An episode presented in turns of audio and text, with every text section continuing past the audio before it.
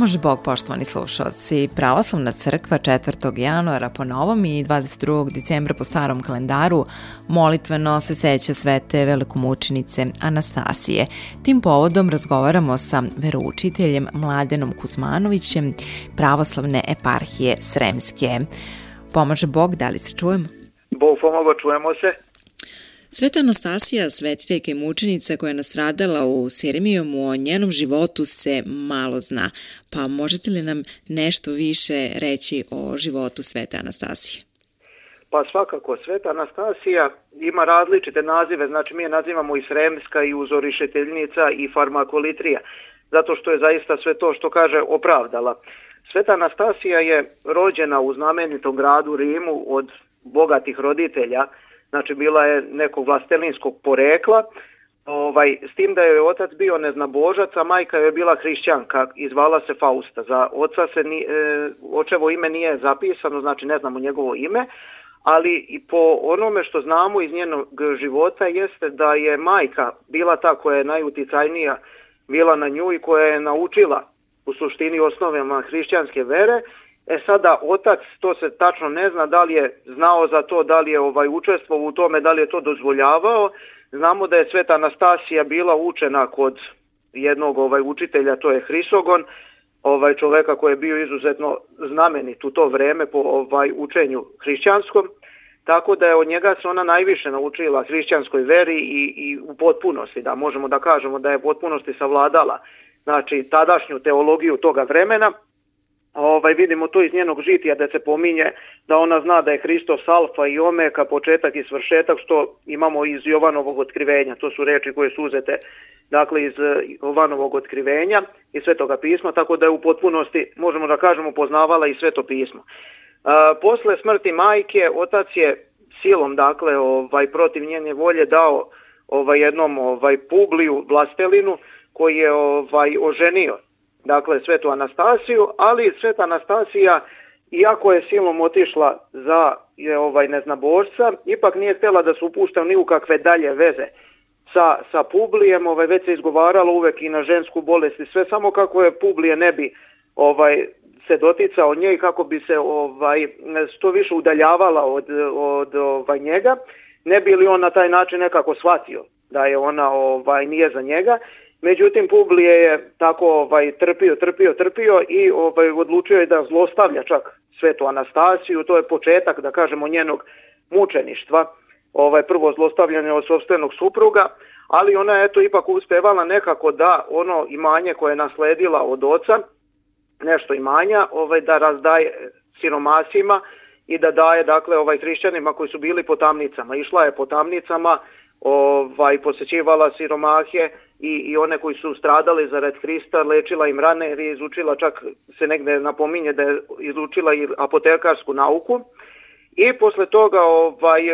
ona tako prateći ovaj, i, i, ideći u tamnice sa jednom robinjom iz te kuće, ovaj, ona je odlučila u jednom trenutku robinja da prizna svom gospodaru, odnosno Anastasijinom suprugu,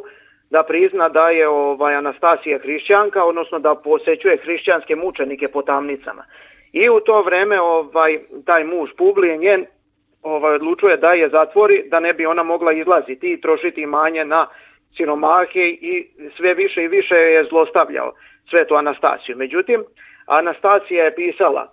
ovaj, svom učitelju Hrisogonu koji još bio u životu, pisala mu je pismo kako je ona eh, kako je njen muž muči ovaj, da je mislila već čak da je to kraj, da je se bliži kraj svoga života. E, međutim, Hristos o njoj odgovara da treba da trpi što više, da nije još kraj, dakle da će Bog nju ostaviti još u životu, da bi mogla da posluži još tim hrišćanima. I zaista se tako izbilo, Hristogodnove reči su se i zbile publije bio poslat od cara ovaj Diokleciana na neki put i on je na tom putu ovaj se udavio u moru, znači lađa je potonula, desila se jedna velika bura. Lađa je potonula i ovaj Publije je eh, se utopio, a u to vreme Anastasija u potpunosti nasledila imanje od očevo jer je tada otac se, se i upokojio, nasledila njegovo imanje, nasledila imanje od muža i išla je sve više i više dakle tim hrišćanima u tamnici, trošila novac na hrišćane. Međutim, u jednom trenutku kada je već se tome svemu bližio kraj kada je sve potrošila, e, hrišćanske mučenike su dakle i, i, i Hrisogona njenog učitelja su već posekli. Dakle, Hrisogon je stradao i mnogi, mnoge hrišćane koji se pominju u njenom žitiju kao što su Hionije, Agapije, Ilirije, dakle ovaj mnogi ovaj mučenici su postradali u to vreme kojima je ona baš služila. I posle toga oni su dakle ovaj ona je došla jednom prilikom u tamnicu kod ovaj da vidi Dakle, ovaj, gde su ti mučenici i plakala je gorko jer nije imala više ni manja, a nije imala ni mučenika, znači da, na neki način da im posluži bar svojim nekom utekom, okrabrenjem i tada su stražari, ti koji su bili ovaj, tu, oni su ovaj, shvatili da je ona hrišćanka, da ona njima služi i odveli su je direktno kod ovaj, namesnika Ilirija Flora koji je bio ovaj tadašnji namesnik. To se verovatno već dešava na prostorima današnjeg Srema, jer imamo podatak dakle da je posle nastradala u Sirmijumu. Ovaj, kada je došla dakle kod ovaj, namesnika, on je normalno upitao da li je ona hrišćanka, gromoglasno jeste odgovorila da je hrišćanka, mnoge tu je ovaj istine o hrišćanskoj veri izgovorila pred I ovaj, u to vreme se čak i car Dioklecijan vratio sa nekog svog putovanja i odlučio je čuje da Anastasija ovaj, tu, dakle ovaj, da je bilo u tom mestu gde on ovaj, prolazio i odlučio da i sam porazgovara sa Anastasijom znajući da je ona ovaj tog nekog ovaj visokog porekla i znao je da je nasledila veliko imanje.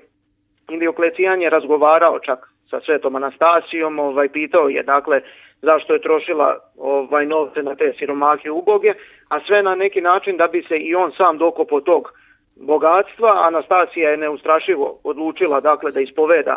svoju veru, e, međutim e,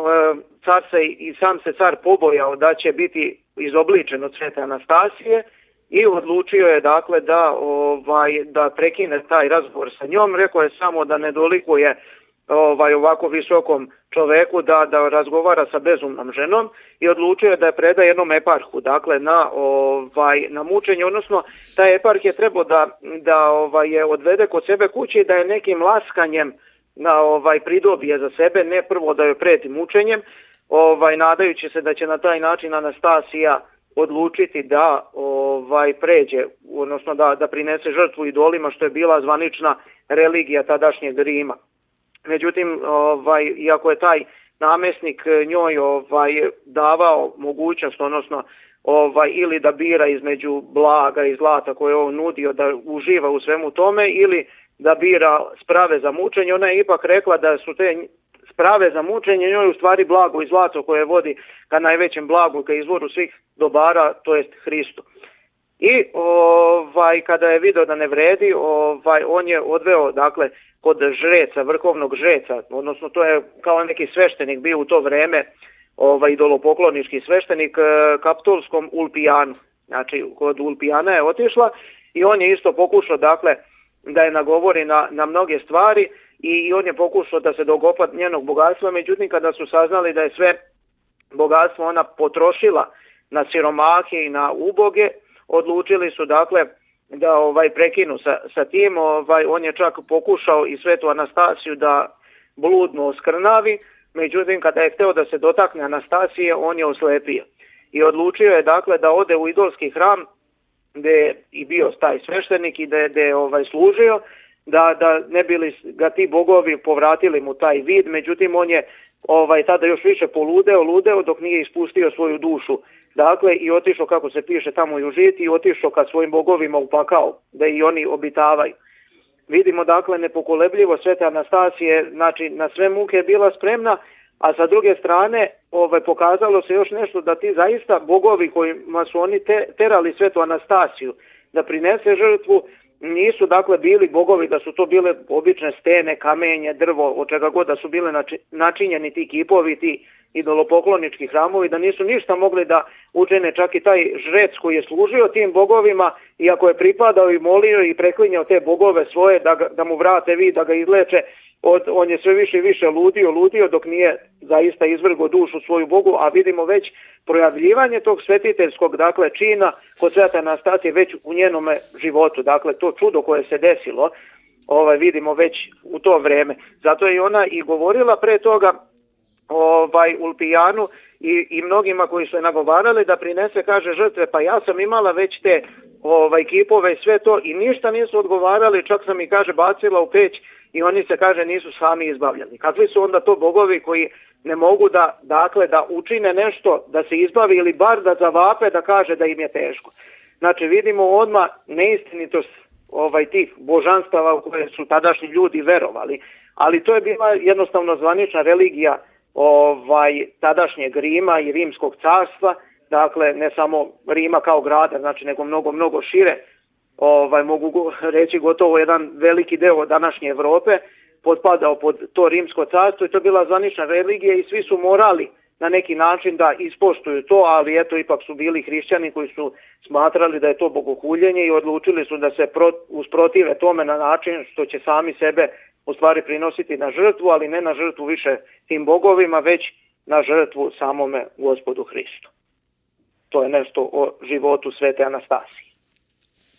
Što se tiče samog njenog stradanja, kako je ona nastradala, dakle Sveta Anastasija je nastradala e, tako što je ovaj prvenstveno odvedena dakle na obalu mora sa mnogim osuđenicima i odlučili su dakle da probuše lađu ovaj da ne bili je ovaj na taj način i nju i sve ostale osuđenike naravno tu nisu bili samo hrišćani tu su bili i mnogi drugi dakle koji su bili osuđeni za neki prestup na smrtnu kaznu u tadašnjem Rimu i odlučili su da je ostave na, znači na, ovaj, ovaj, na tekuću vodu i dakle da da ovaj ne bi li ih voda potopila. Međutim, kada je ovaj probušen čamac i ovi stražari koji su to učinili počeli da beže u drugom, dakle već pripremljenom čamcu, oni su vidjeli jednostavno kako Sveta Anastasije, kako se ovi svi osuđenici vraćaju pre, prema jednoj obali I tu kako su se zadržali, odnosno kako su se spasli od te bure, da su se ti mnogi, mnogi, dakle i koji nisu bili hrišćani, a koji su bili osuđenici, krstili su se, dakle, u to vreme. Ovaj, I posle toga oni su javili, dakle, ovaj, tadašnjem caru Dioklecijanu i namesniku koji je bio, eh, najverovatnije u Sirmiju, u današnjoj Sremskoj Mitrovici, da, dakle, da su se oni spasili i verovatno se sad taj događaj nemamo 100% podatak, ali verovatno se ako je bila neka voda u pitanju, verovatno je današnja obala Save, dakle oko, oko Sremske Mitrovice. Ovaj, I posle toga oni su svetu Anastasiju, dakle, doveli ovaj, da je istjezavaju, da je muče, ne bili još na neki način pokušali da je pridobiju za sebe, međutim ona je neustrašivo se dakle ovaj, ispovedala veru Hristovu i odlučili su dakle da je po seku mačem, postradala je najverovatnije oko 304. godine na današnji dan, odnosno na 22. decembar po tadašnjem kalendaru i preselila se dakle u carstvo Hristovo koga je večno ispovedala i evo koga ispoveda i dan danas i koja nas zastupa pred prestolom svevišnjega. Kakva je poruka života i stradanja Sveta Anastasija za sve nas danas? Pa poruka, pogotovo u današnje vreme, možemo izvući više, dakle, poruka jednostavno današnja najvažnija naša greška, dakle koju većina ljudi ovaj ne mogu reći greh, nego greška jednostavno ovaj koju čine, to je upravo odstupanje od Boga, ali nesvesno odstupanje od Boga. Dakle, pridobijanje jednostavno čovjek je naučio danas da mnoga, mnoga dobra dobije, a ne zna šta žrtvuje pre toga. Jednostavno čovjek nije svestan da žrtva nije samo dati novac, dati nešto materijalno, nego često i duhovno. Čovek je danas u nekoj duhovnoj krizi i e, zbog toga često čovek prodaje i svoju veru i ne znajući šta čini i, i svoje duhovno stanje i duhovni mir da bi zadobio nešto što mu je možda na izgled ne, tada bilo potrebno, ali mu je već, u večnosti nepotrebno. S druge strane, vidimo, dakle, ne samo iz života svete Anastasije, ali sada da se vežemo za, za svetu Anastasiju, da su oni za to duhovno bili spremni dakle da daju čak i svoj život, da budu i mučeni i istjazavani, ali da neće prodati dakle svoju veru. Oni su mogli na izgled iz žitija, ne samo kažem Svete Anastasije, nego i mnogih mučenika toga vremena, a, gde su oni mogli da na izgled dakle prinesu žrtvu bogovim, odnosno samo da da prinesu žrtvu, e, odnosno da bace tamjan, kako se negde kaže, da je to bila najmanja žrtva tim bogovima da okade te idole, i, i da se reše dakle svih svojih muka, odnosno da, da ih više e, carevi niti namestnici ne bi dirali uopšte, ovaj, a da svoj život nastave po veri hrišćanskoj, oni su znali da time dakle služe drugome Bogu, a sam Hristos je rekao ne možemo služiti Bogu i mamonu, odnosno ne možemo dva gospodara služiti. I zbog toga nisu to želeli da urade, već su bili spremni dakle za tu svoju pravu veru da daju čak i svoj život. To je ono što je poruka danas nama, dakle da ne prodajemo svoju veru, niti dakle da, da idemo za nekim nepotrebnim stvarima zarad nekog dakle telesnog možda mira i svega, nego da uvek ištemo taj duhovni mir, a naš pravi istinski mir jeste upravo Bog, jedan istiniti Bog, Otac, Sin i Sveti Duh. Na kraju razgovora o svetoj Anastasiji Sremskoj recite nam koji su još svetitelji koji su živjeli na teritoriji Sremske eparhije? Pa, jedan od naj, na, najpoznatijih ovaj, svetitelja iz ranog hrišćanstva je sveti Irinej Sirmijumski, a sa njim i Đakon Dimitrije, dakle, koji se ovaj, poštuju dakle, ovde na teritoriji našeg Srema, ranohrišćanski mučenici koji su stradali dakle, u, u to vreme progona, ra, ovaj, hri, tih prvih hrišćanskih progona, ali ovaj naravno da su mnogi mnogi svetitelji pogotovo sad u kasnijem periodu evo možemo reći i u naše vreme posle velike seobe Srba i pre naravno toga su mnogi svetitelji koji su bili rođeni ili živeli ili su ovaj doseljeni bili ovde ovde u, na teritoriju našega Srema dakle koji su prosijali dakle ovde to su recimo jedan od najpoznatijih je sveti Arsenije Sremac koji je bio i naslednik Svetoga Save koji je najverovatnije rođen na teritoriji današnjeg Slankamena. Dakle, tu mu je bilo ovaj rodno mesto. Odrastao je, posle dakle, ovaj, postao arhijepiskop, preselio se u Žič, u Pećku Patrijašiju. Dakle, ovaj, on je to bio jedan, svet, još jedan od svetitelja koji je a, e, živeo na teritoriji Sema. Imamo danas ovaj koji su mogu reći zaštitnici, svi su oni na, dakako zaštitnici Srema, ali oni koji su možda uspostavili sve ovo što mi danas imamo i počeli gradnju manastira i svega, to su svakako sve, sveta majka Angelina sa svojim sinovima, ovaj Vladikom Maksimom, Svetim Jovanom, Brankovićem, dakle Brankovići su možda ovde i najpoznatiji u Sremu i koji su zaista toliko učinili da, da smo imali ovde jedno hodočašće 2016. E, godine sa moštima Svetih Brankovića, dakle to je bila jedna patronaža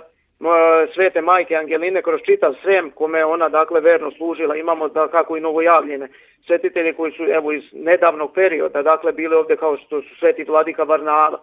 Dakle on je ovaj, jedan od ispovednika isto vere kao sveta Anastasija. Stradao je za veru koja čije se mošti nalaze u manastiru Beočinu. Narod sa sve više i više pritiče. Dakle svetom Varnavi tamo rasprostranio se kult. Dakle imamo mnoštvo svetog Rafaela Šiš, Šižatovačkog E, jednostavno ima verovatno i mnogo neznanih svetitelja koji su ovaj koji su ovde prosijali, ali evo ovo su neki od najpoznatijih koje i kojima mi imena znam.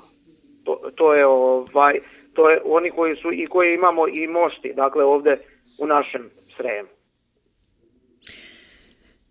Mladene, hvala vam puno na ovom uključenju i što hvala ste sa nama podelili a, informacije vezano za svetu Anastasiju, ali i za druge svetitelje koji su eto živeli na teritoriji Sremske eparhije. Hvala i vama, svako vam dobro od gospoda i prestojeće praznike. Da vam gospodi Bogomladanac Hristos da svaku radost i mir u vašem domu i u vašem radu. Hvala vam, svako dobro. Svako dobro. Poštovani slušalci, čuli ste e, veroučitelja pravoslavne eparhije Sremske, Mladena Kuzmanovića. Sa njime smo danas razgovarali o svetoj velikomučenici Anastasiji.